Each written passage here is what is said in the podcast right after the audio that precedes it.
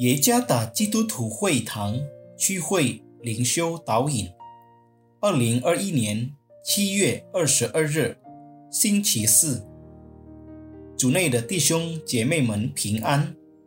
今天的灵修导引，我们要借着圣经路加福音第一章三十八节来思想今天的主题：欢喜快乐的执行。作者古沙拉传道，路加福音第一章三十八节，玛利亚说：“我是主的使女，情愿照你的话成就在我身上。”天使就离开他去了。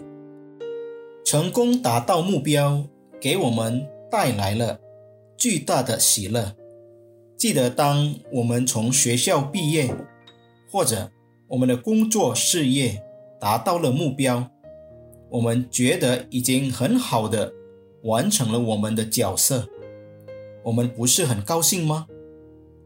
玛利亚意识到她的角色是上帝的仆人，她将自己完全献给了上帝。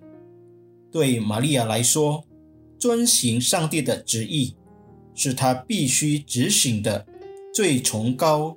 职责，而他对此感到幸福，那是他最深沉的快乐。遵行神的旨意，并非容易之事，因为上帝所要和期望的，往往与我们的计划不同。然而，作为上帝的仆人，我们的快乐应该是那些讨上帝所喜悦的。因此，继续按照上帝希望我们做的事情来执行我们在世上的呼召。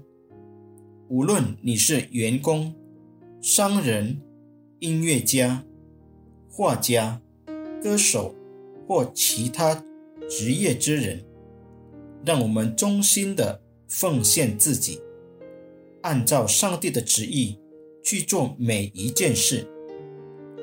使上帝的计划按照他的时间和旨意，在我们的生命中实现。无论你扮演的是什么角色，都要快乐的去执行，为得讨上帝喜悦。愿上帝赐福弟兄姐妹们。